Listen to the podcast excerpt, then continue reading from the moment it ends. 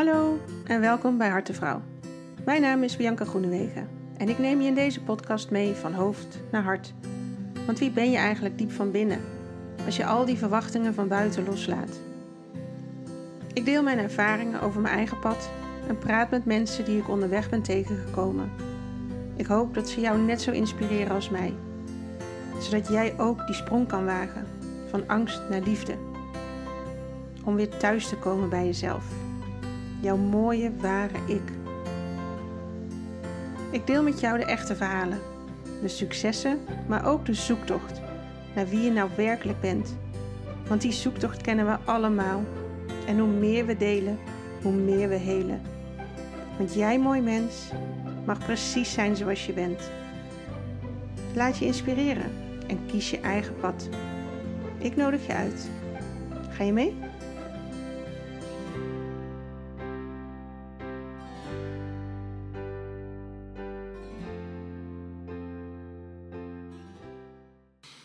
Vandaag praat ik met uh, Milou van Beek. Uh, zij is onder andere journalist voor de Club van Relaxte Moeders, waar ik een paar weken geleden met Elsbeth uh, over sprak. Zo zijn we ook een beetje in contact gekomen natuurlijk. Al, ik ken jou al wel, ik denk een jaar of zes. Ja, een beetje ook toen ik de club ging volgen, zag ik ja. natuurlijk jouw blogs en die boeken van die andere moeders doen ook maar wat. Ja. Vond ik ook een fijne fijne mantra om aan vast te houden. Dat ik het niet allemaal verkeerd doe. En uh, die andere die ik mooi vond ook, van achter het behang tot over je oren. Ik denk, ja, dat is precies wat het is. Hè? Want het zijn de grootste schatten en de grootste etterbakken tegelijk. Ja. Um, en ik zag dat jij nog een boek hebt. Yes, I Screwed Up. Ja, klopt. Vind ik ook een leuke titel. Ja, ook een leuke titel. Hè? Ik weet echt niet of Elsbeth die ook heeft bedacht. Maar uh, ik weet nog wel dat we eerst Yes, I Fucked Up fucked up wilde doen. Maar dat vond de uitgever toch iets stil. Of ze hadden al ja. dat je heel veel boeken met fuck in de titel. En dat vonden ze toen niet meer... Uh, dus toen is het screwed geworden. Maar uh, ja. Ja, heel leuk. Ja. Um, maar dat is wel een ander boek. Want je hebt die twee ja. eerste twee zijn vooral opvoeden, ja. ouderschap. Ja, ja, klopt. Ja. En uh, dit is, gaat over ondernemerschap. Dat was eigenlijk altijd mijn andere tak. Is het nog steeds wel. Maar mijn, uh, waar ik ook heel veel over schrijf. Over ondernemers. Ja. Uh, maar de, dat deed ik voor het Financieel Dagblad. En Sprout bestaat niet meer in zijn huidige vorm, maar was een ondernemersblad. Um, en daarbinnen ben ik wel al snel niet zozeer dat ik het succesverhaal nou zo interessant vond, maar vooral uh, dat, dat waar eigenlijk waar we het direct over gaan hebben, namelijk wat iemand dan niet vertelde. Ja, ja, ja. Uh, of even terloops tussen twee andere zinnen door zei over ja. een echtscheiding of een burn-out. Dat vond ik dan interessant en daar wilde ik dan op verder. En uh, mijn interviews kregen steeds meer eigenlijk dat kenmerk dat het ging over wat niet goed was gegaan. en dat, dat heb ik op een gegeven moment uh, gedacht van wat kan ik daar nou verder mee? Want er is zo weinig aandacht voor. Het zijn allemaal van die glimmende succesboeken. Ja, zeker precies. als het gaat over ondernemerschap. Ja, lekker Amerikaans. Ja, yes, ja, ja, ja, ja, ja. En uh, nou, toen heb ik gekeken in al die interviews van kan ik daar nou een soort gemeenschappelijke delers uithalen. En daar zijn dan dertien fouten uitgekomen, heel toepasselijk. Ja getal. En, uh, Zeker. Nou ja, dus dat uh, een heel andere doelgroep. Maar ja. wel, het raakt wel aan dezelfde thematiek uiteindelijk. De ja. onderliggende thematiek ja. van fout en waar we het niet over hebben, die komt eigenlijk altijd wel terug in alles uh, wat ik schrijf. Ja, grappig. En ik weet, jij doet ook soms, ben jij co-host bij Mom You Can, bij de podcast. Ja. En daar beginnen jullie altijd met uh, uh, facts en figures of zo. Hè? Ja, ja, heeft Elsbeth altijd iets bedacht van. Uh, ja, volgens mij was het elke keer iets anders. Waar ze dan een soort openings oh, okay, ja. dingetje. Want Milou van Beek, wat, wat moeten wij van jou weten? Oh jeetje. Sta de standaard dingen of. Weet ik niet. Of de, de, dingen die niemand weet. ja, als je het niet delen. Ja. oh jeetje. Nou ja, dat is wel een bruggetje naar je nieuwe boek. Daar praten we niet ja, over. Ja, precies. Dan, uh, waar ik zelf niet over praat. Ja, dan wil ik dat natuurlijk weten. ik heb eigenlijk relatief weinig dingen waar ik niet over praat, denk ik. Het is ook ja. wel grappig dat mensen mij... Uh, ik typeer mezelf als vrij introvert en teruggetrokken en uh, verlegen. Misschien was ik vroeger heel erg als meisje, maar dat niet meer. Maar als mensen mij dus spreken of zien... Zeker in een kleiner gezelschap, dan vinden ze eigenlijk het tegenovergestelde. Um, dus dat is wel, mensen die mij niet kennen, die zullen mij niet snel meer labelen als een introvert uh, iemand. Dus dat voor mensen die mij wel goed kennen, weten wel dat ik niet per se graag in het middelpunt van de belangstelling sta. Ja. Maar, Eh, maar ik praat dus eigenlijk... eh, er zijn weinig dingen waar ik het echt niet over heb. Nee. Ik ben echt wel eh, makkelijk in... hele ziel en zaligheid op tafel. Maar je, eh, ik neem aan dat je moeder bent. Maar ik ben, je- als je de, de, de, de basics zeg maar zijn Ja. dat ik moeder ben van twee, Otis van 13 en Nina van 10. En ik heb twee honden, een Fries daarbij en een, ik heb een grote liefde voor straathondjes. Dus dit is mijn tweede straathondje. Deze komt uit Turkije en hiervoor had ik een Griekse. Dat is nog wel een weetje. Sowieso ben ik een erg grote dierenvriend. Één kat. Zou nog wel meer willen, maar en ik zou sowieso een half dierentuin willen. Maar goed, dit even heb ik mijn handen hier vol aan. En ik heb een man, die in deze tijd ook altijd een viroloog is. Oh, kijk. Dus dat ehm, heb ik ook leuke Insta-lives meegemaakt. ehm, waarin hij dan... Ik heb hem ging interviewen over het, Ja. het virus Hoe en zit het dat nou vaccin. en eigenlijk? het- ja. Eh, dus dat. En ik, woon in, ik heb heel lang in Amsterdam gewoond. Dus nog steeds... Dat is, ja, nou ja, een van mijn eh, dingen is wel dat als ik de kans zou hebben... dan zou ik weer teruggaan. Ja. En daar gaan wonen. Ik mis het nog steeds. eh, de stad. Ik ben heel erg een stadsmeisje. En een zeemeisje. Vrouw. Oh, Ik ben eigenlijk geen meisje meer. Eh, maar ik woon in de bossen van eh, Ook ja, dat is een compromis. Ja, dat is voor mij dan weer de goede omgeving om te wonen in de ja, bossen. dat is grappig hè. Iedereen heeft zo zijn eh, zee. Want mijn man is ook heel erg bos. Die vindt de zee echt eh, wat zand en die wind en zo. Dus eh, ja. Nou, zee snap ik ook hoor. Wij gaan elk jaar een week naar Muiden op het strand. Echt op het strand verblijven. Ja. En dat vind ik wel magisch wat Ja. daar gebeurt. Ja. En de, de luchten die je daar ziet. En Ja. het natuurgevoel zo sterk. ja. Ja, dat, eh, dat heb ik ook wel. Nou, En ik heb inderdaad eh, zowel liefde voor de stad als ook wel voor, want ik hou ook van eh, rust en stilte en buiten zijn. Dus Ja. wat dat betreft woon ik prima. Ja. Maar iets meer zee. Ja, die heb je niet zijn. in het midden Maar van goed, het land. Nee, die heb je daar niet. Nee, echt niet. nee.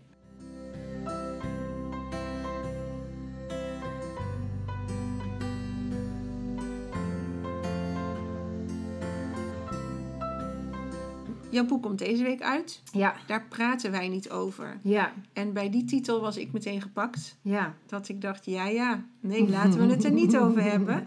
Ik had allerlei beelden meteen daarbij.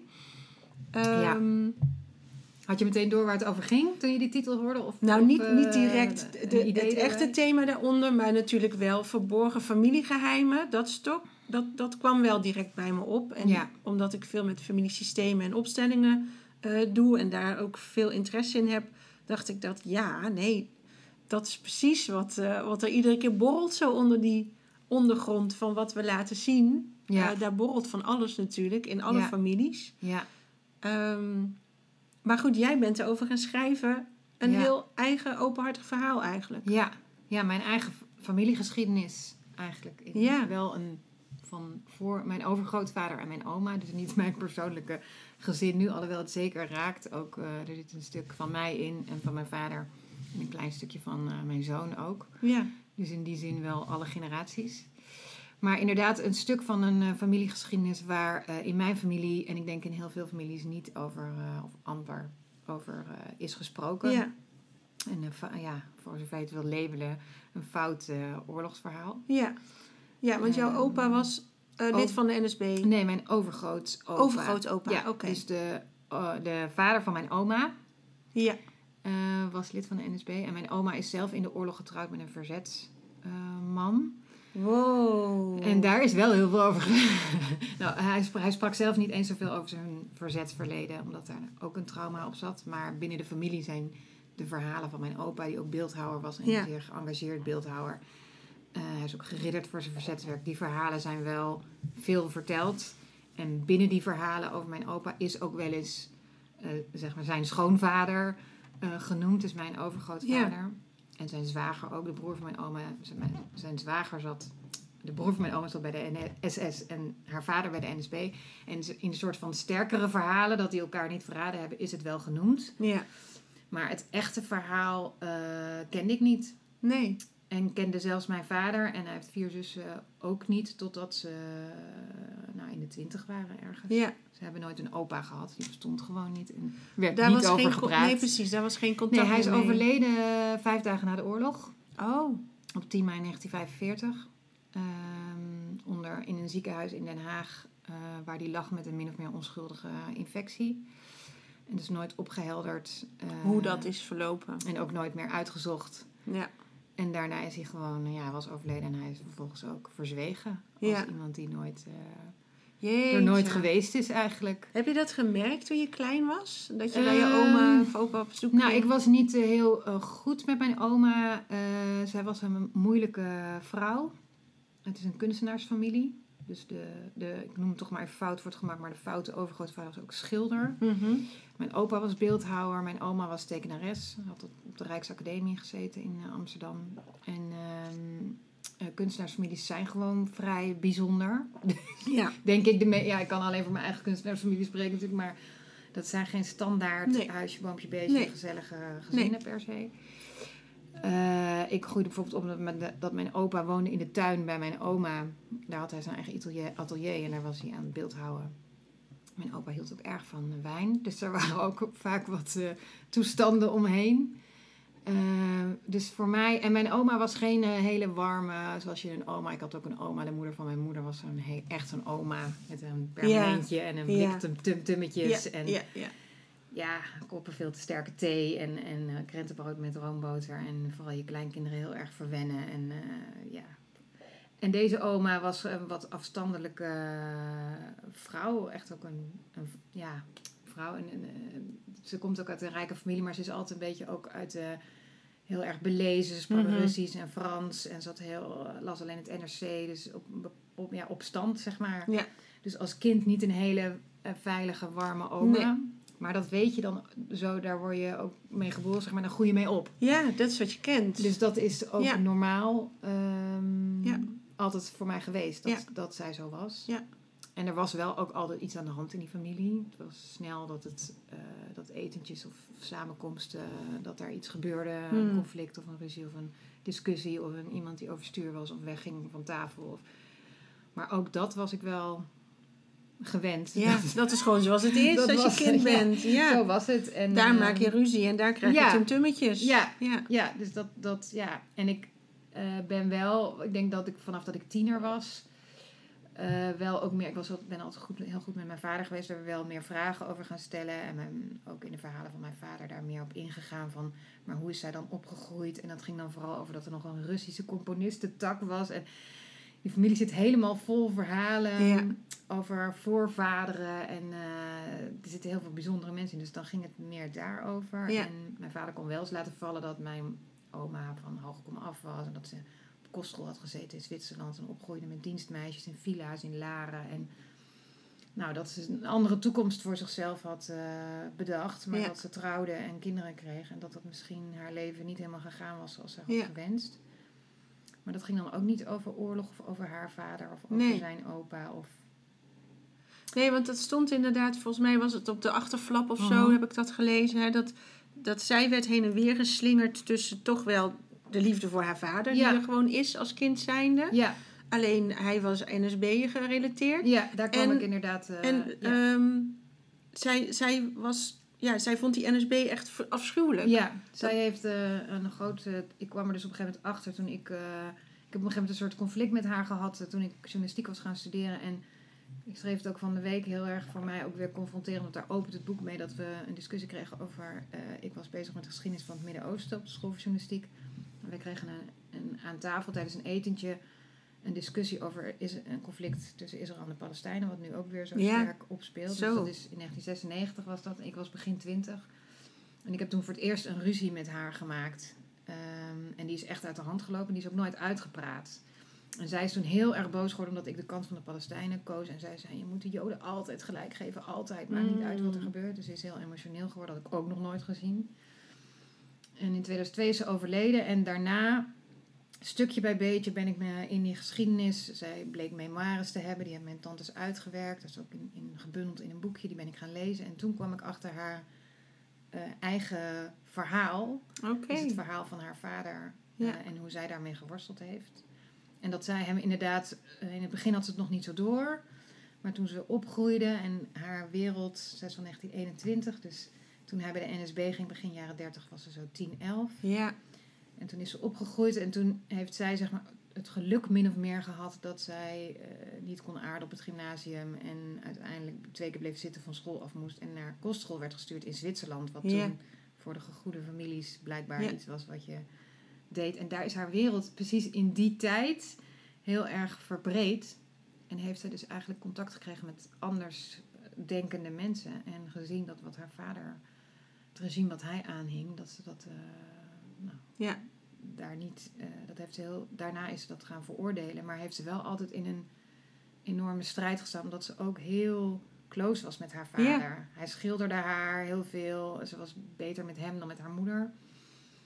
Haar ouders zijn overigens gescheiden begin jaren 30. Wat ook allemaal weer een rol speelt in het verhaal. In de zin van... Oh, dat is ook wel bijzonder in die tijd. Heel dat gebeurde bijzonder. natuurlijk nooit. gebeurde bijna nooit. Nee, zij had een affaire. En ze is echt eruit gezet door hem.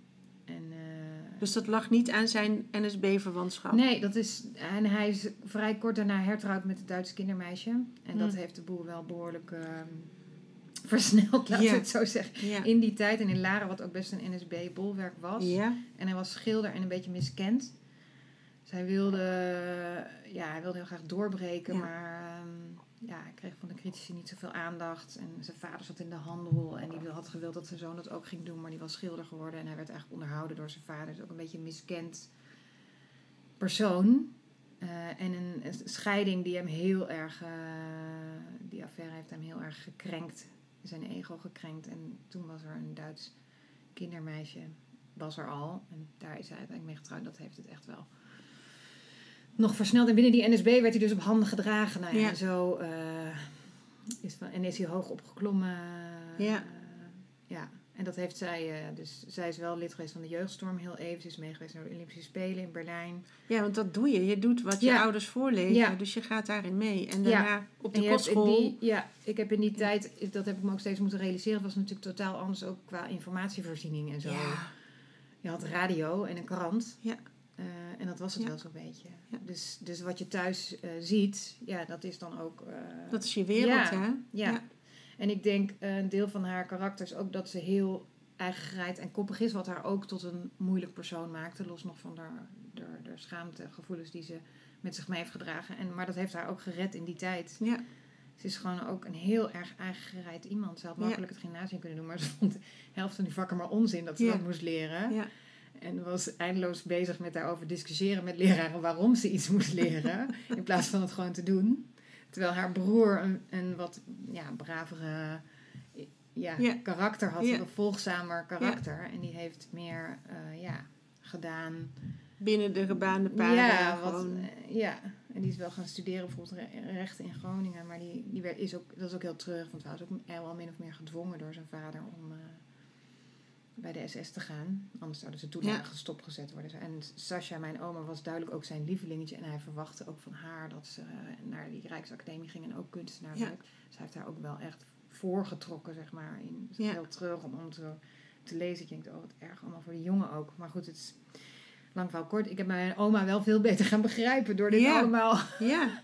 uit te pluizen. Ja, zij was eigenlijk een heel bijzonder iemand. En dat, is, ja, dat weet ik dan nu pas.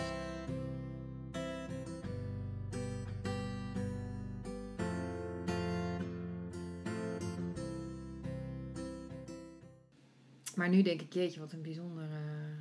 Ja, bizar. Bijzonder was ze eigenlijk. Dat heb Ja. ik, eh, ja, heb ik had er heel graag met haar over. Ja, ik was, had je het maar Gesproken. geweten, Ja. hè? Ja. Ja, Hoe was het Ja. toen je erachter kwam voor jou, zeg maar? Het, het verandert dan... Ik kan me voorstellen, als het, het is best een grote, heftige geschiedenis... Dat, dat dan toch even alle zekerheden wegvallen die je kende... Ja. en dat alles ineens een beetje aan het trillen gaat. Nou, het is een beetje dubbel. Ik heb het ook het hele proces als heel dubbel ervaren, omdat het is, het is zo lang geleden en het is een overgrootvader. Dat is toch weer anders dan een Ja, waar je zelf Dus geen connectie echt mee hebt. Precies, Ja. het is echt lang geleden. En in die zin kon ik het denk ik ook maken. Eh, want die distantie is ook wel weer nodig. Ja. Eh, om, omdat Ja. ik er ook echt een verhaal van wilde maken. Ja. Ik wilde de materie ook kunnen gebruiken als schrijver. Om, en dan moet je ook wel een bepaalde afstand hebben, denk ik, om dat te Ja. kunnen doen. Om er echt mee te kunnen werken. Ehm, maar in het proces zelf bleek het toch ook weer minder. Het heeft me wel degelijk die dossiers die je dan, als je dit wil eh, uitzoeken, dan moet je bij het Nationaal Archief. Zijn het allemaal beveiligde dossiers, bijvoorbeeld, Ja. dus daar kom je niet zomaar bij. En dan al die oude brieven lezen en inderdaad een voorvader zien die toch echt eh, heel openlijk eh Ja. eh, nazisme aanhangt. En Heb je foto's gezien? Foto's, ja, hij was bij een briefkaart van Mussert getekend. En, ehm, Jo, bizar. en in die brieven staat ook gewoon, ook zeker die die naar de broer van mijn oma, zijn zoon stuurde, die dan op een gegeven moment aan het, in Duitsland ergens ingekwartierd zit en dat hij daar dan bij moet blijven en dat je de leider moet dienen. En ja, dat is wel, dat heb ik wel ook als heel naar ervaren, dat dat dus eh, mijn familie is, Ja. die daar zo, eh, ja. eh, en wat ik heel moeilijk vond, is dat ik heel veel, ik ben heel ontzettend veel gewaarschuwd in zo'n proces om het vooral niet te bagatelliseren. En ehm, ik heb me daar ook weer, ik ging me daar ook tegen verzetten. Omdat ik dan dacht, ja, ik ben niet van plan om het te gaan bagatelliseren. Maar het is wel, het werd me wel heel duidelijk ontzettend dat het eigenlijk nog niet de bedoeling is om. Nee, toch nog te vroeg misschien Ja.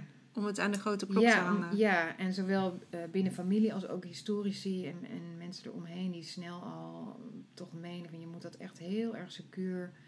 Soms uit goede bedoeling en soms ook wel dat ik dacht, ja, je moet bij dit soort verhalen dus blijkbaar nog veel beter je research doen dan wanneer ik het verzetsverhaal van mijn opa zou schrijven. Ja, want dat zou de held zijn. Ja, Ja, ja dat is eh, dat helder. En daar, daar hoef je minder secuur mee om te gaan, Ja. bij wijze van. Ja. Dat vond ik zelf ook. En ik had zelf ook daar in dat proces ook wel meer. Dat ik op een gegeven moment dacht: oh, die schuld die gaat eigenlijk zwaarder wegen dan Ja. de trots die er ook, eh, ja, die er ook is. En ik heb wel heel erg moeten kijken van, eh, nou, wat, wat wil ik precies weten van het verhaal? Hoe wil ik het labelen? En ja, eh, het is op een gegeven moment ook de vraag van, eh, wat heeft hij echt gedaan? Dus heeft hij echt, bij spreken, bloed aan zijn handen? Ja. Heeft hij echt mensen daadwerkelijk aangegeven? dat wilde je wel weten. Nou, daar heb ik dus heel erg over getwijfeld van, doet het ertoe voor het verhaal? Ja, Vond ik bij mezelf ook steeds interessant. Want ik wilde gewoon het verhaal schrijven van een meisje dat opgroeit ja, met zo'n vader. En uiteindelijk die, dat, die schaamte daaromheen haar hele leven lang meeneemt en dat patroon Ja. overdraagt. Eh, dus doet het er dan toe hoe fout haar vader was. Ja. Het feit is dat hij fout was. En ja, nou ja, ik heb het een beetje in het midden gelaten in de zin van wat ik belangrijk vond, is dat zij een aantal keer geprobeerd heeft studenten, eh Joodse studenten van de academie, eh, te redden. ja, Dat ze dat bij haar vader heeft aangekaart. En dat hij voor een aantal kunstenaars iets gedaan heeft. Die in kamp Amersfoort of zo zaten. Waar ze dan op een doorvoerplek zaten. Daar heeft hij zich voor ingespannen om ze eruit te halen. En een aantal keer heeft hij ook niet gedaan. oké. Maar feit blijft natuurlijk dat hij was lid van de cultuurkamer. Dus dat is het instituut wat eh, alle kunstaankopen regelde in de oorlog. En eh, het feit is dat hij gewoon openlijk en hoog ook eh, binnen die NSB en daar, daar tot in zijn nek in zat. Dat Ja. is het feit. Dat wat, ja.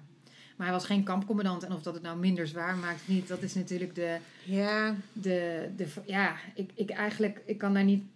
Ik heb het mezelf heel veel afgevraagd en uiteindelijk denk ik, het gaat mij om het verhaal van het meisje wat dit meemaakt. ja, En eh, dat is het verhaal wat ik wil vertellen. En dan kan ik nog, dat is ook heel moeilijk als je het hebt over schrijven. Sowieso in zo'n verhaal kun je duizend keuzes maken. ja, Mijn opa komt er wel degelijk in voor en die had er misschien nog een grotere rol in kunnen Ja. hebben. Maar uiteindelijk moet je ook weer wegen afsluiten en ja, eh, koers houden met het verhaal. Ja. Want, om te voorkomen dat het tien verhalen worden. Dat had ook gekund. Ja. Nou, en dan moet je soms heel bruut wegen afsluiten. Wat betekent dat, ja, dat er misschien ook nog een andere nuance of een, of, ja, een ander deel van het verhaal had ik ook kunnen vertellen. ja. En dat is met name als je het over mijn familie hebt. Die hadden graag daarin me- meer nuance gezien in het hele verhaal. En ook het verhaal van mijn opa breder verteld eh, willen hebben. Ja. Maar dat is eigenlijk een ander boek. Ik Denk dat ik schrijf Ja, ik misschien ja, ook nog wel eens. wel, ja. Net als mijn overgrootmoeder en mijn bedovergrootmoeder, die zitten- die zitten komen wel in het verhaal voor als personages. Maar, maar het gaat, draait om mijn oma ja. en om dat meisje wat dit eh, meemaakte.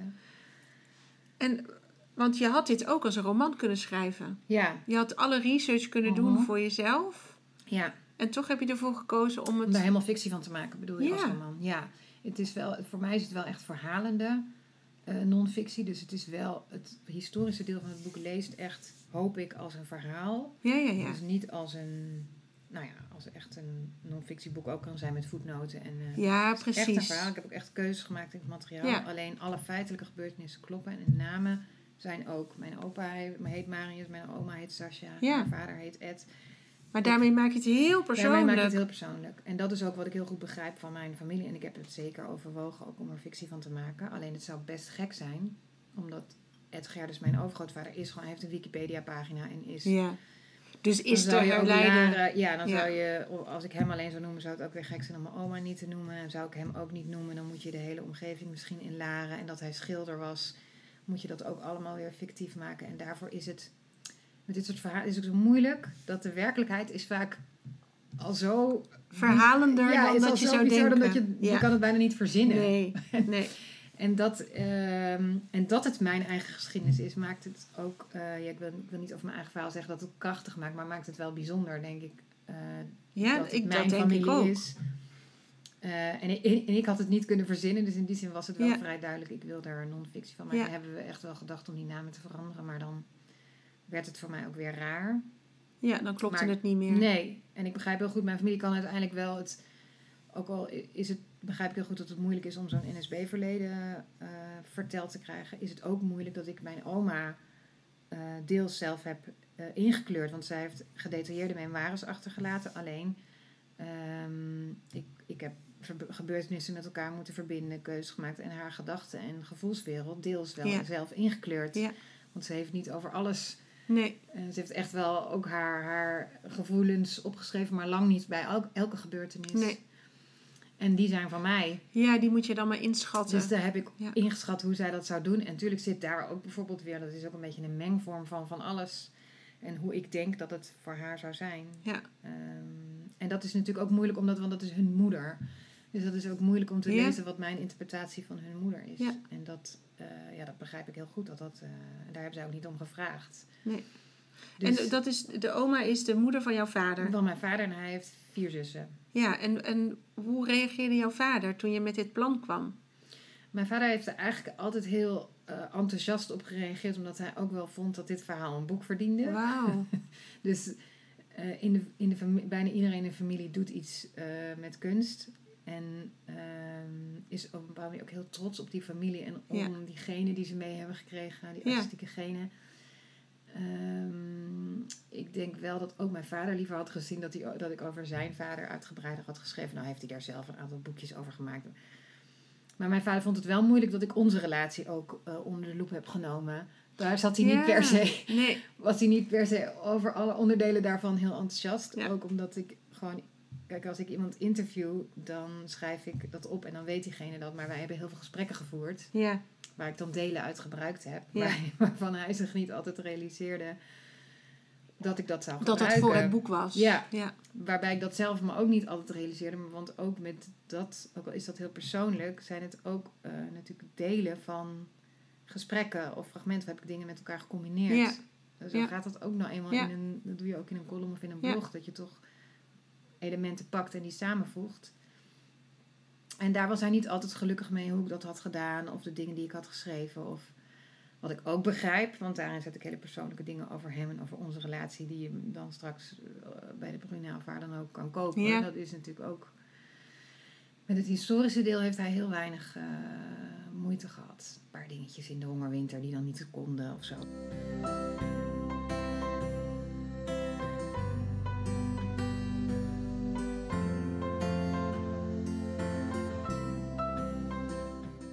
Heb jij zelf die spiegel gezien of zo? Hè? Tussen jouw oma en haar vader en jij en jouw vader? Of, of ben je Ja. gewoon de lijn door gaan trekken? Ik ben in, mijn, in het deel waarin ik het, zeg maar, het onderzoek beschrijf wat ik heb gedaan, eh, zie ik, vertel ik ook wel dat ik wel een lijn zie tussen, ehm, tussen mijn oma, die heel erg goed was met haar vader. En mijn vader was ook goed met zijn moeder. Ja. Ik ben ook goed met mijn vader. Mijn zoon is ook weer.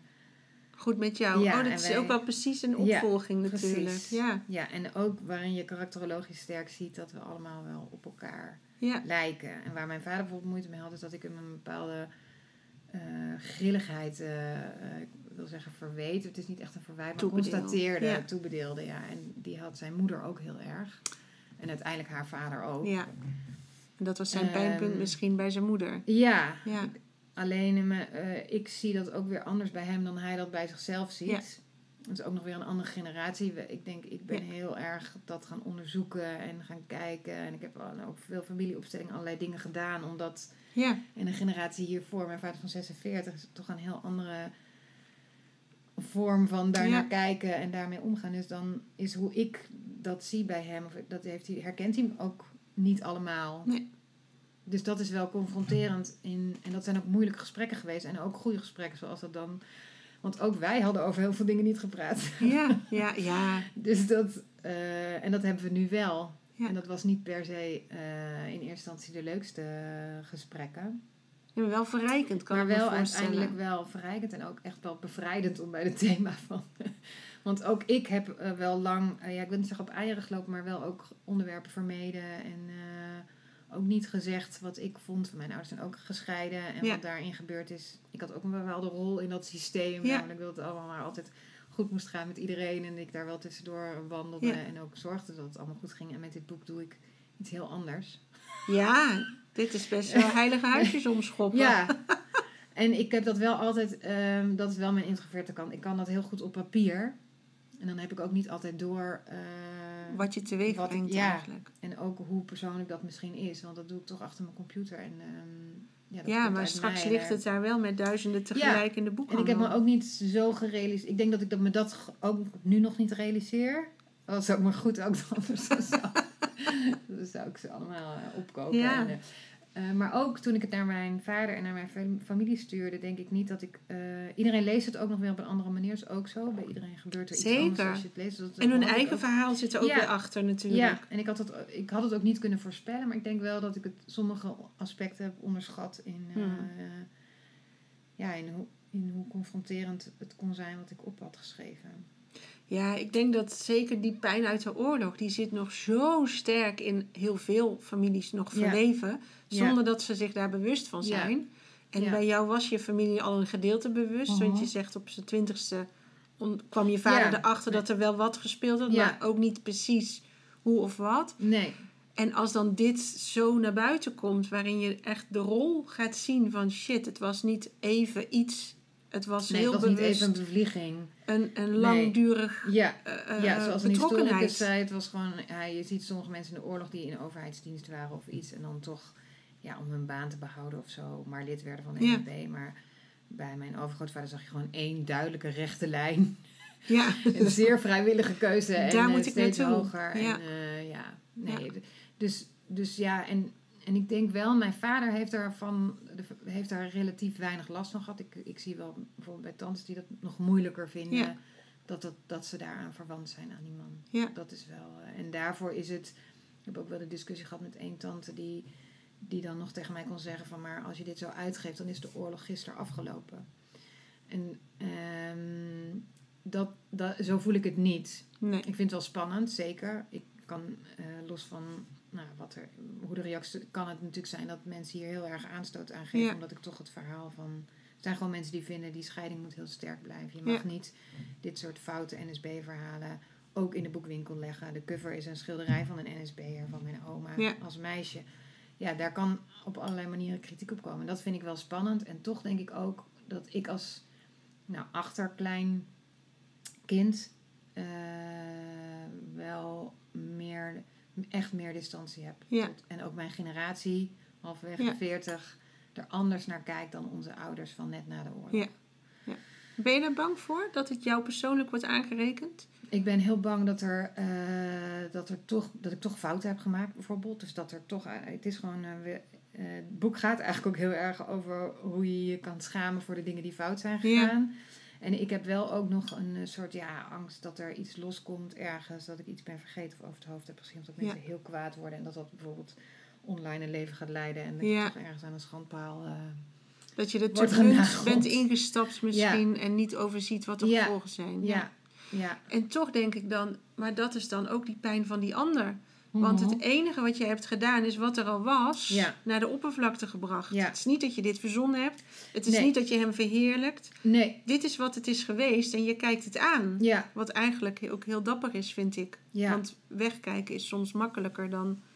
ehm, Ja, nou, en het is, hoe ik het zelf ook zie, denk ik, het, het is gebeurd. En eh, door het niet over te hebben, dan, eh, ja, is het niet ineens weg of zo.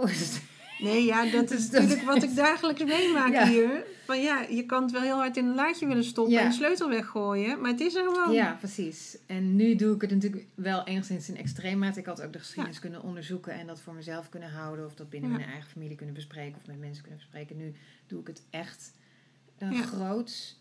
En eh, zoals ik eh familieopstelling heb gedaan bij Els van Stijn en daarna nog bij haar ben gaan praten van, nou, kan jij in algemene zin iets zeggen over dit soort geheimen? En toen heeft zij mij bijvoorbeeld ook heel erg gewaarschuwd van, je, je moet wel oppassen, het is goed dat je het uitzoekt, maar als je het helemaal naar buiten brengt, groot, ja, dan, dan ben je ook, het is natuurlijk ook een, ehm, dat vond ik ook een van de moeilijke componenten, in die zin, niet een, ik wil niet zeggen dat het een sappig verhaal is, maar het is wel met een, weet je wel, een dochter van een NSB'er die trouwt met een verzetsheld. Ja. Het, is een, het was een, echt een goede familie in Laren. Met, Ja. Dus het is wel, het heeft veel ingrediënten voor een Ja.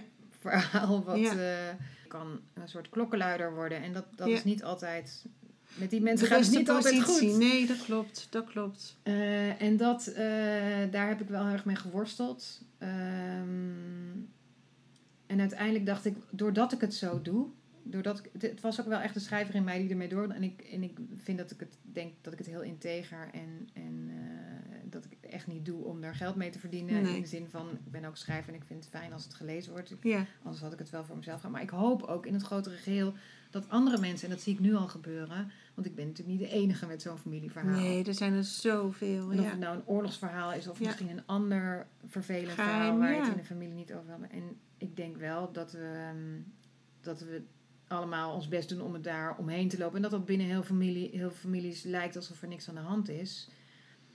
Maar ik denk ook wel degelijk dat het gevolgen heeft. Ja. Alleen ze zijn niet altijd zichtbaar. Nee, maar het ettert aan de, eh, onder Ja, de oppervlakte. En bij mij was het dan bijvoorbeeld mijn, ook mijn kind, waarvan ik denk, eh, nou ja, je, je kunt nooit de dingen zo met elkaar helemaal verbinden. Dat ik zeg, oh, dat komt daardoor. Maar eh, een kind wat niet helemaal, waar het niet helemaal mee gaat zoals je hebt bedacht had, is, is een van die momenten dat je, Ja. ja, dat, dat ik ook hoop dat door het in een boek te gieten, dat mensen misschien denken van, oh, maar ik heb hier- ik herken dit. Of ik, ik heb heel veel mensen ook gehad die zeiden van nu al van, ik had ook zo'n afstandelijke oma. Ja.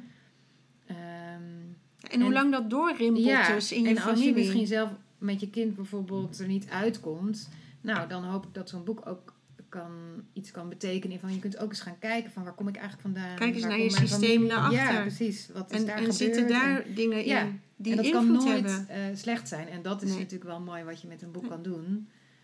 Dat je er in potentie veel mensen mee kan bereiken. Ja. En dat hoop ik dus. eh, daarom heb ik het doorgezet. En ook Ja. ja. ja, is het dit geworden.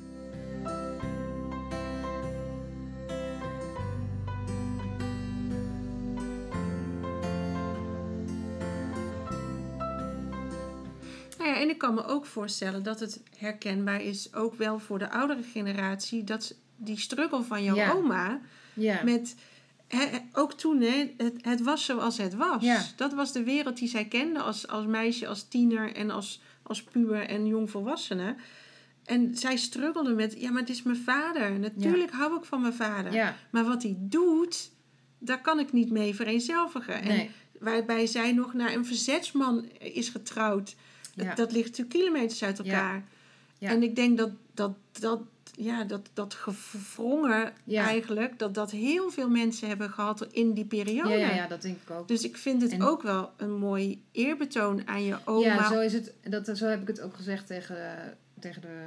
Daar was ik wel ver, ben ik verbaasd over geweest in reactie uit de familie. Nou, heb ik, wat ik bijvoorbeeld heb onderschat, is dat het natuurlijk mijn oma was en hun moeder.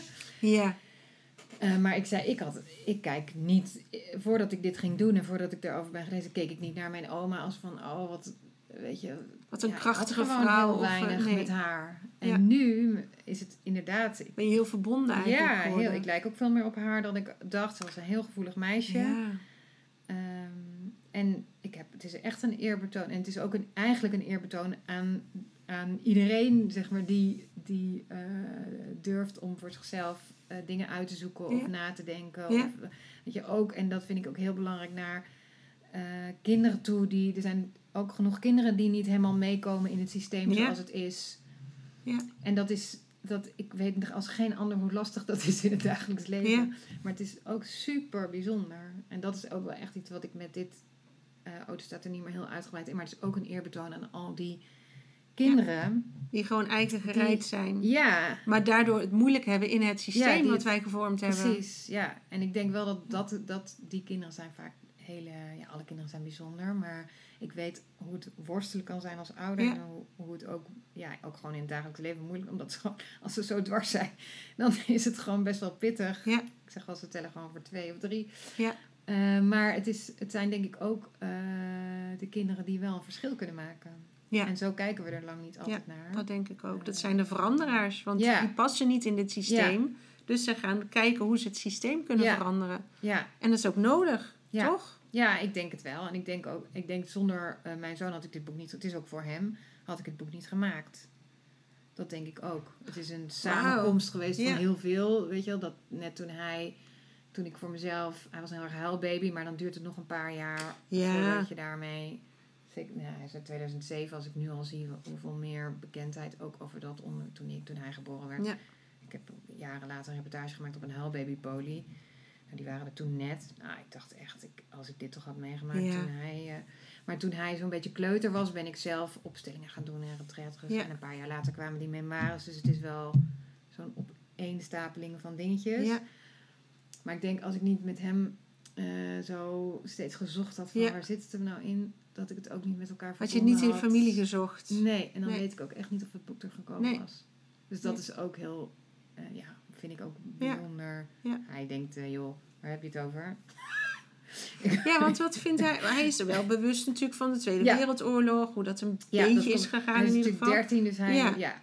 En, en zoals een puber is, is zijn moeder natuurlijk gewoon... eh, Ja, irritant. En je eh, moet gewoon niet te veel bemoeien. Nee, en, en stiekem is het natuurlijk toch ook wel, heeft het ook wel wat. Dat ze Ja. op tv is of op de radio. Ja. Of, en toen hij er nog ehm, eh, wat groter ook in het boek stond, heb ik hem ook delen laten lezen. En interesseerde me allemaal niet. Toen zei die mama, ik, heb, weet wel, ik weet wel wat. Als jij mij dan gewoon een Playstation bon geeft van... hij begon met 50 Dan euro. mag je alles zeggen, maar schrijf wat je ik ner- Hebben wij het ook nergens meer over. dus hij heeft er nog steeds recht op. Dus ik zei, ja, maar je bent nu... Die passages zijn eh, eh, gedeeltelijk uit het boek. Dus nu, maar eh, nee, die krijgt hij nog. En ik, dat is natuurlijk ook voor mij een moeilijke afweging geweest. Want hoe is het als hij 18 is of als hij 20 Ja, is? dat draai je niet terug. Het boek is er dan. Nee. Ja. En dat geldt overigens ook voor heel veel blogs. Waar die, hij is Ja. zichzelf nu ook op mij ook gaan googlen. Ja. En dan komen er ineens ook allerlei details. Ja, ook daarin heb ik was wel... ik dat. Ja, precies. Ja. Ik, en heb ik, ik heb dit met mijn man heel veel besproken. En ook daarin gaat het voor mij ook heel erg over eh, met welke intentie ik het heb Ja, gedaan. En heb ik ook hem vaak gezegd van het zijn echt meer kinderen zoals jij. En meer ouders die Ja. het heel fijn vinden om Ja. te weten dat ze niet alleen staan als ze het even niet meer weten. Of, Ja. ehm, Nou ja, en met die titel, hè, daar praten we niet over. Jij wil dus juist wel dat dingen bespreekbaar zijn. ja. Dus als hij op zijn 18 of op zijn 35ste je moeite mee heeft, ja. dan is dat dus een gespreksonderwerp Ja. waar je het over hebt. ja, En dat, Dat hoop hoeft ik, niet we- weggepropt te worden. Nee. nee, dat hoop ik ook echt dat dat zo is. Ja.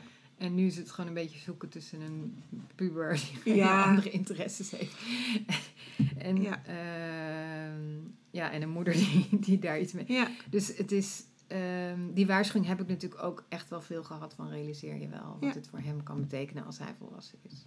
Daar blijven we hopelijk inderdaad over in gesprek. ja. Ehm, Ik vind ook, daarin zie ik wel echt een mooie boodschap richting je kinderen. Dat je aangeeft van eh, alles wat is gebeurd, is al gebeurd. En Ja. dat kunnen we nooit meer terugdraaien. nee, We kunnen wel er anders naar gaan kijken. We kunnen er meer over praten. We kunnen nieuwe systemen anders inrichten, zodat dat niet meer gebeurt. ja, Maar het verleden is precies zo gegaan zoals het is gegaan. ja, Dus ik vind dat wel ook fijn. Want ehm, ik heb, mijn zoon is ook 13, die kan echt wel oogkleppen opdoen. Maar dan zeg ik ook letterlijk tegen hem: ja, feit dat jij dit niet wil bespreken, wil niet zeggen dat het niet bestaat. nee, We zitten niet in een struisvogelland. nee, Dat is er niet. Dus ja, ik hou heel erg van alles eh, maar naar buiten. ja. En ehm, ik denk dat dat enorm helpend kan zijn. Ja, ja, Ja. Ik, ja ik denk het ook. En, en, eh, en het is inderdaad de vraag hoe, hoe, hoe groot je dat eh, doet. Maar Ja. ik kan alleen maar hopen dat het anderen ook aanzet tot. eh, Ja, ik denk dat jouw Tot, intentie eh, heel gesprek. zuiver is. ja, denk Dus- ik natuurlijk zelf ook, maar het blijft altijd een. eh, als je heel veel. ehm, an- wat het nou eenmaal zo is, mensen hebben een mening en Ja. eh, adviezen. En, Ja. Ehm, en dan je eigen koers blijven varen is daarin wel... eh, het is ook goed hoor om erop bevraagd te worden, vind ik. Dat je, Ja, dat maar je het weet kan- wat dat die motivatie is. Maar ik heb wel, het heeft wel echt tot veel fundamentele twijfel eh, Ja. geleid. Ja. Qua, Ja, ik heb echt wel een paar keer gedacht van... eh, nou, ik zet het niet... Nee. ja, ik moet er gewoon mee stoppen. Dat is gewoon niet wat, wat ik moet doen. Dus, Hoe sterk is het dan, hè? Ja. Want je zei al in het begin dat jij was iemand die wilde overal een beetje tussendoor en iedereen ja, zorgen dat iedereen het goed had en heel aardig. Dat heb ik het allermoeilijkste gevonden. Dat, ik, dat, dat ik eigenlijk ehm, ook wel heb onderschat, bijvoorbeeld in de familie, hoezeer, er, uh, hoezeer ik ook de relaties onderling tussen mensen hiermee op scherp heb gesteld. Ja, en toch heb je het gedaan. En toch heb ik het gedaan. Maar in die periode heb ik er wel echt veel, uh, zeg maar eind 2000. Er zijn twee momenten geweest. Eén was toen Els van Stijn mij waarschuwde. En toen ben ik eigenlijk, ik had het interview met haar gehad hier in Utrecht. En uh, toen had ik nog een afspraak in Amsterdam. Ging ik daar naartoe. En zij had die waarschuwing gedaan. En ik voelde me niet helemaal goed die dag en die middag. maar zoals ik altijd was en ook alweer nog steeds ben, kocht ik paracetamol of ibuprofen of weet ik wel wat was. Door. En door. En toen uh, ben ik, je heb ik ook overgeschreven op de club, toen ben ik vervolgens op de Wieboudstraat in Amsterdam half zeven s avonds onderuit gegaan en nee. wakker geworden in de ambulance. Dat meen je niet. En toen bleek ik, uh, toen, toen, ik wakker werd in die ambulance, zei ik tegen die ambulancepoeder, ik begreep natuurlijk helemaal niets van wat er aan de hand was. En toen zei hij, je hebt een epileptische aanval gehad. Waarop ik zei, ja, maar dat is niet mogelijk, want ik heb helemaal geen epilepsie. Dus waar, nou, dan duurt het nog een hele tijd en dan ineens zit je in zo'n molen met... Uh, en toen had ik dus voor het eerst in 44 jaar uh, een epileptische aanval gehad. Zeg maar een uur nadat iemand tegen mij had gezegd... met de klokkenluiders loopt het niet altijd goed af. Jeetje. En dat, die periode daarna heb ik wel echt gedacht... nou, nu, nu moet het... Als ik, ja, dit is gewoon niet... Dit, is, dit was een teken. Ja. Dit was gewoon van bovenaf. Iemand uit de hemel ja. die heeft gezegd... Uh, stop hiermee. Ja. En ook, maar uiteindelijk ook dat, de, de, nou, dan volgde er een medisch traject en toen bleek er dus iets niet helemaal goed te zijn in mijn hoofd, waardoor dat uh, okay. veroorzaakt was. Wat heel, op zich geen goed nieuws is, kan er goed mee leven hoor. Maar uh, ook weer wel in de zin van dat ik dacht, ja nee, het is... ja. ik laat me ook daar niet door tegen. Dit is, dit is een, weet je, ik kan er allerlei theorieën over houden en misschien heeft het wel met of, of stress, maar ook dit is niet iets waardoor ik ga zeggen... Um, dat is echt een hele sterke drive. Dus ja. bijzonder. Ja, het moet gewoon naar buiten. Ja, en eigenlijk, het heeft me ook daarna juist nog een versnelling gegeven. Een soort extra focus van, ik wil dit gewoon doen. Ja. Dus ik ben er nog harder.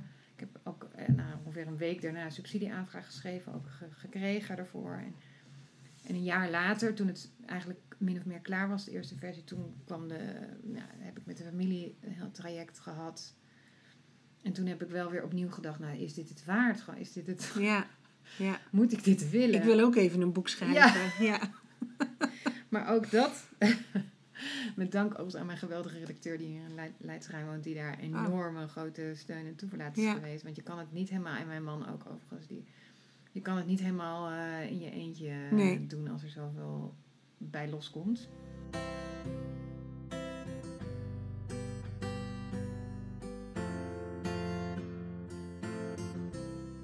Het is een hele um, reis geweest uh, ja.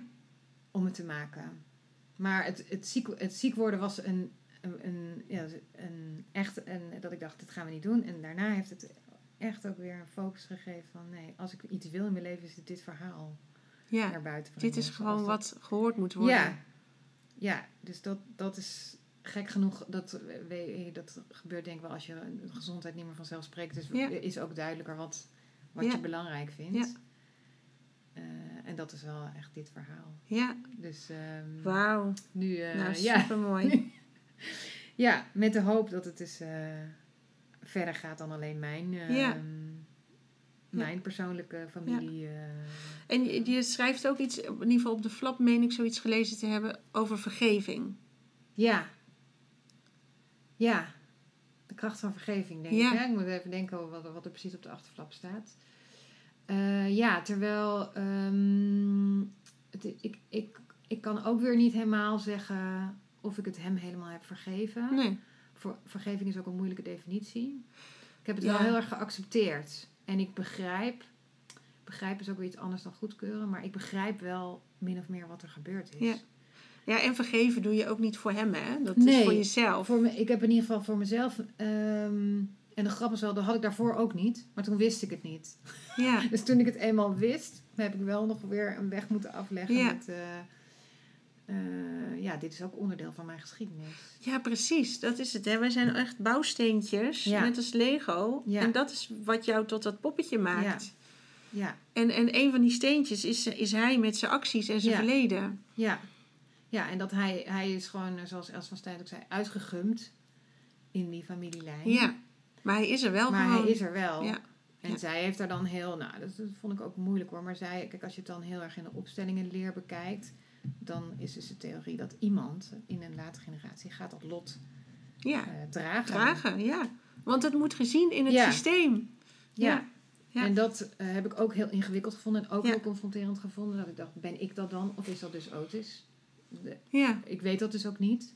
Ik denk wel, eh, als het Otis is, dat ik voor hem heb, hoop ik dat ik het heb, dat, doordat ik mijn groot, overgrootvader die plek Ja. terug heb gegeven in de familie, het dat hij daar Dat je het hebt verlicht. ja, Ja. dat hij dat ook zo. Ja. eh, en dat weet ik natuurlijk niet. Er zijn ook mensen die vragen, oh, maar heb je, merk je dan wat aan? Nou, dat weet ik niet. Ik weet dat nog niet. Nee.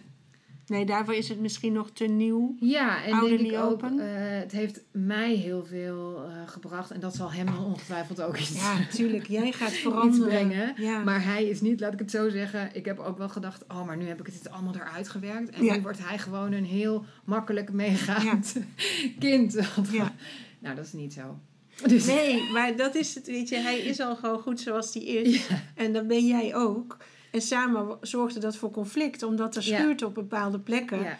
En wellicht schuurt het nu op iets minder plekken. Ja, ik vind, eh, ik, ik heb ook zelf gevoelsmatig, eh, we kunnen echt nog steeds heel veel bossen, maar ik heb hem wel, wel veel meer geaccepteerd als ik kijk naar, nou zeg de eerste acht, negen jaar van zijn leven heb ik heel veel gevochten tegen het Ja. temperament wat hij had. Ja, Ik dacht, waarom is dat nou zo? ja, Waarom kan je niet gewoon normaal Ja. doen, zoals andere kinderen? ja. Dat boek van Heel Eva veel Bronsveld vond ik echt heel fijn daarbij. Ja. Er staat ook ook veel in, Ja. in die cursieve voorbeeldjes. Oh ja? Heel. Grappig, ja. En eh, dat ben ik wel. eh, Ja. ja, hij is wie hij is. Ja, en Met dat is goed. En. Ja. en dat betekent niet dat het makkelijk is. Met hem altijd. Nee, Ehm, Nee. Maar het is wel, eh, zo is hij. En, ehm, en dat heb ik veel meer kunnen accepteren. En ik vind wel dat hij iets, ik vind hem lichter geworden. Hij kan Ja. nog steeds ontvlambaar zijn. En nou, dat zeg ik echt wat vanuit het niks heel erg boos worden. Vind ik nog steeds moeilijk, want ik heb ook een soort van gevoelige natuur. Die, ja, Ehm, maar ik vind hem wel ehm, eh, vro- veel vrolijker Ja. dan een aantal jaar geleden. En dat kan ook een ontwikkeling zijn dat hij zelf zijn emoties beter. Kan allemaal. ja. Maar hoe dan ook. Whatever works, works. Ja. Ja, ja, kan ook zijn vader zijn die ook nog weer dingen heeft gedaan. Weet je, het kan allemaal. Dus je kunt het niet zo cherrypicken van, eh, oh, dit is dat. Maar overal... ehm, Gaat het ik, beter? ik zie ook wel meer zijn... Ik ben heel veel parallellen gezien tussen hem en zijn eh, overgrootmoeder, mijn oma. Als ik zie hoe hij zich twee uur lang kan verzetten tegen een samenvatting maken voor biologie. Ja, Ja, dat heb ik helemaal bij mijn oma ook helemaal ja, uitgezocht en beschreven. Zij deed precies hetzelfde. ja, Zo was ik overigens niet. Ik was wel heel, toch meer volgzaam. eh. ja. Jij was wat braver. Ja, Ja. maar ik denk ook dat ik veel meer een laadbloeier ben in, eh, daarin. En Ja. Otis heeft het gewoon... eh, er zijn ook mensen die tegen mij hebben gezegd... Ja, jullie lijken ook heel erg op elkaar. Alleen hij laat het zien en jij niet. Ja. Ja, misschien laat jij het niet zien omdat jij nog een andere familielijn erbij hebt. Ja, die daar heel goed in was. Ja. En heb je daar dat opgepakt. ja, Maar dat het, ja, daaronder ja. eh, zit het er wel gewoon Ja. natuurlijk. Ja, en hij, Otis heeft nooit enige moeite gehad om dat gewoon meteen oud in die oven. Vanaf het moment dat hij er was, eh, was dat duidelijk dat hij het er gewoon niet mee eens was met heel veel dingen. Nee. Dus dat, ehm, nou ja. Maar ook en- dat is toch knap, hè? Dat ze dat gewoon kunnen, die kinderen van nu. Ja, ik vind het, nou ja, ja. Ja, ik vind het onvoorstelbaar. eh, ja, ik, ik, en het is ook dubbel, want ik denk ook wel dat hij er, dat hij er ruimte voor krijgt bij ons. Ik, ik zie bij Otis heel erg, dit soort kinderen kan ook een kwartje de andere kant op slaan als ze dus helemaal niet die ruimte. Want het, er zit gewoon een hele gevoelige component onder. Die zat er Ja. bij mijn oma ook. Maar als je die, eh, wat er bij mijn oma bijvoorbeeld ook gebeurt, is dat dat gewoon, dat is ergens afgesneden Ja. op een gegeven moment. Dat was, of het nou te pijnlijk was of dat het er niet mocht zijn. Ja. En, eh, en daardoor is zij heel hard en afstandelijk Ja. iemand geworden.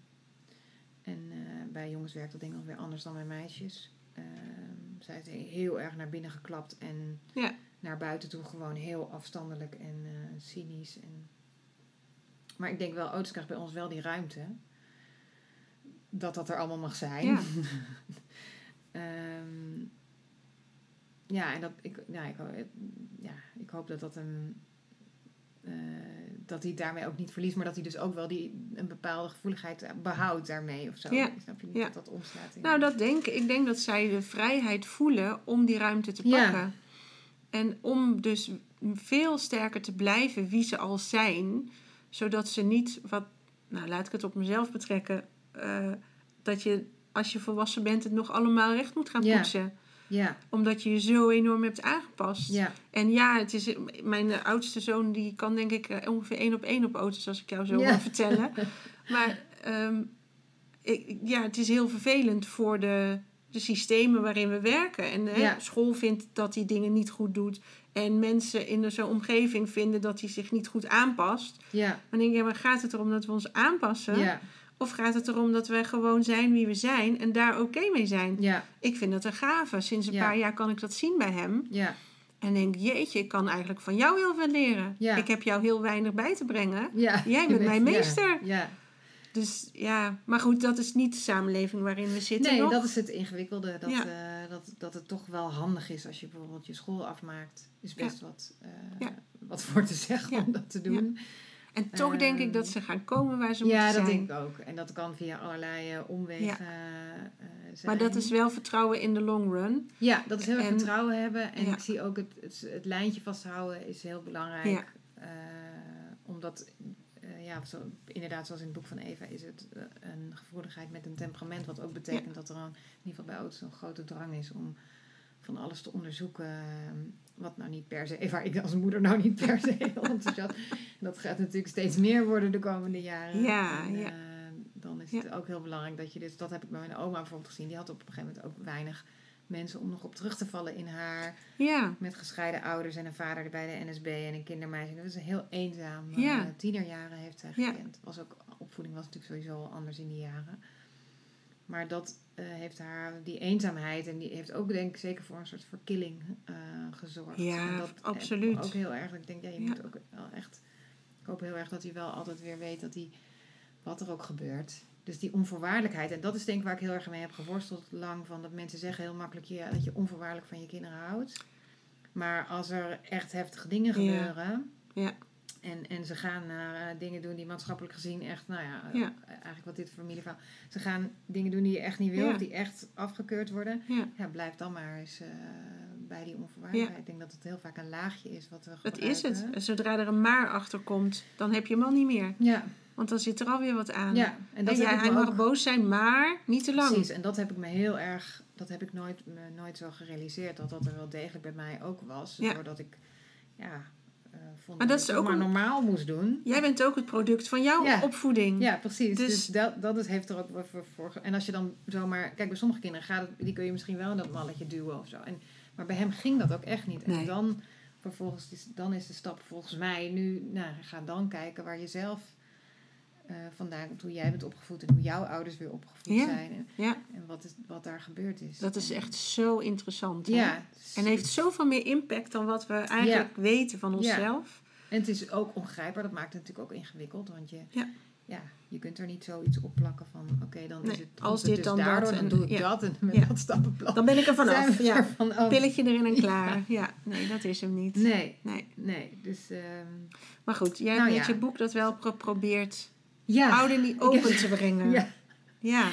ik heb zeker een poging gedaan om, eh, Ja.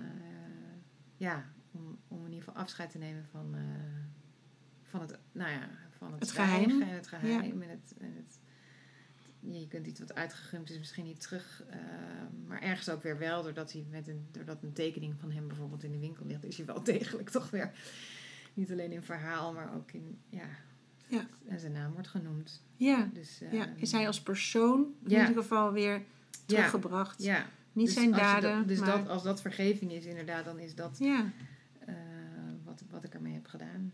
mooi. Ja, Dankjewel. graag gedaan. Dankjewel. Ik ben heel erg benieuwd naar je boek. Ja, En ik denk dat het echt wel veel kan betekenen voor veel mensen. En dat hoop ik ook echt. ja, ik hoop het ook. Ik hoop dat jouw Ja. missie eh, geslaagd gaat Ja. zijn.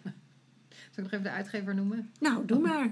Ja, uitgeverij Orlando. En uh, nou ja, het, vooral je, help vooral je lokale boekhandel. Ja, zeker. Daar ligt het lang niet overal, omdat ze niet zoveel inkopen door corona en veel voorraad hebben. Maar ze kunnen het meteen bestellen. En dan ja. En het heet dus, daar praten wij niet over, van Milou van Beek. Um, en er komt donderdag. Donderdag 20ste komt het uit, dus dan ligt het nou, of zaterdag 22 of net na Pinksteren. Na Pinksteren in de winkel. En online is te bestellen, maar zeker ook in de boekhandel. We gaan allemaal naar de boekhandel. Ja! ja, leuk. Dankjewel. Nou, thanks.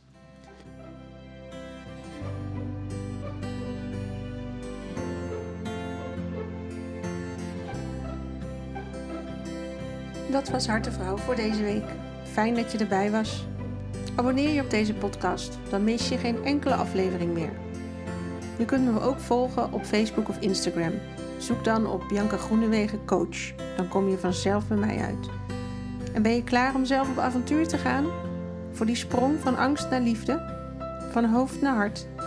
Stuur dan een mailtje naar contact.biancagroenewegen.nl We gaan samen kijken welk pad bij jou past. Hopelijk ben je er volgende week weer bij. Spreek je dan. En niet vergeten, hè? jij bent perfect, precies zoals je bent.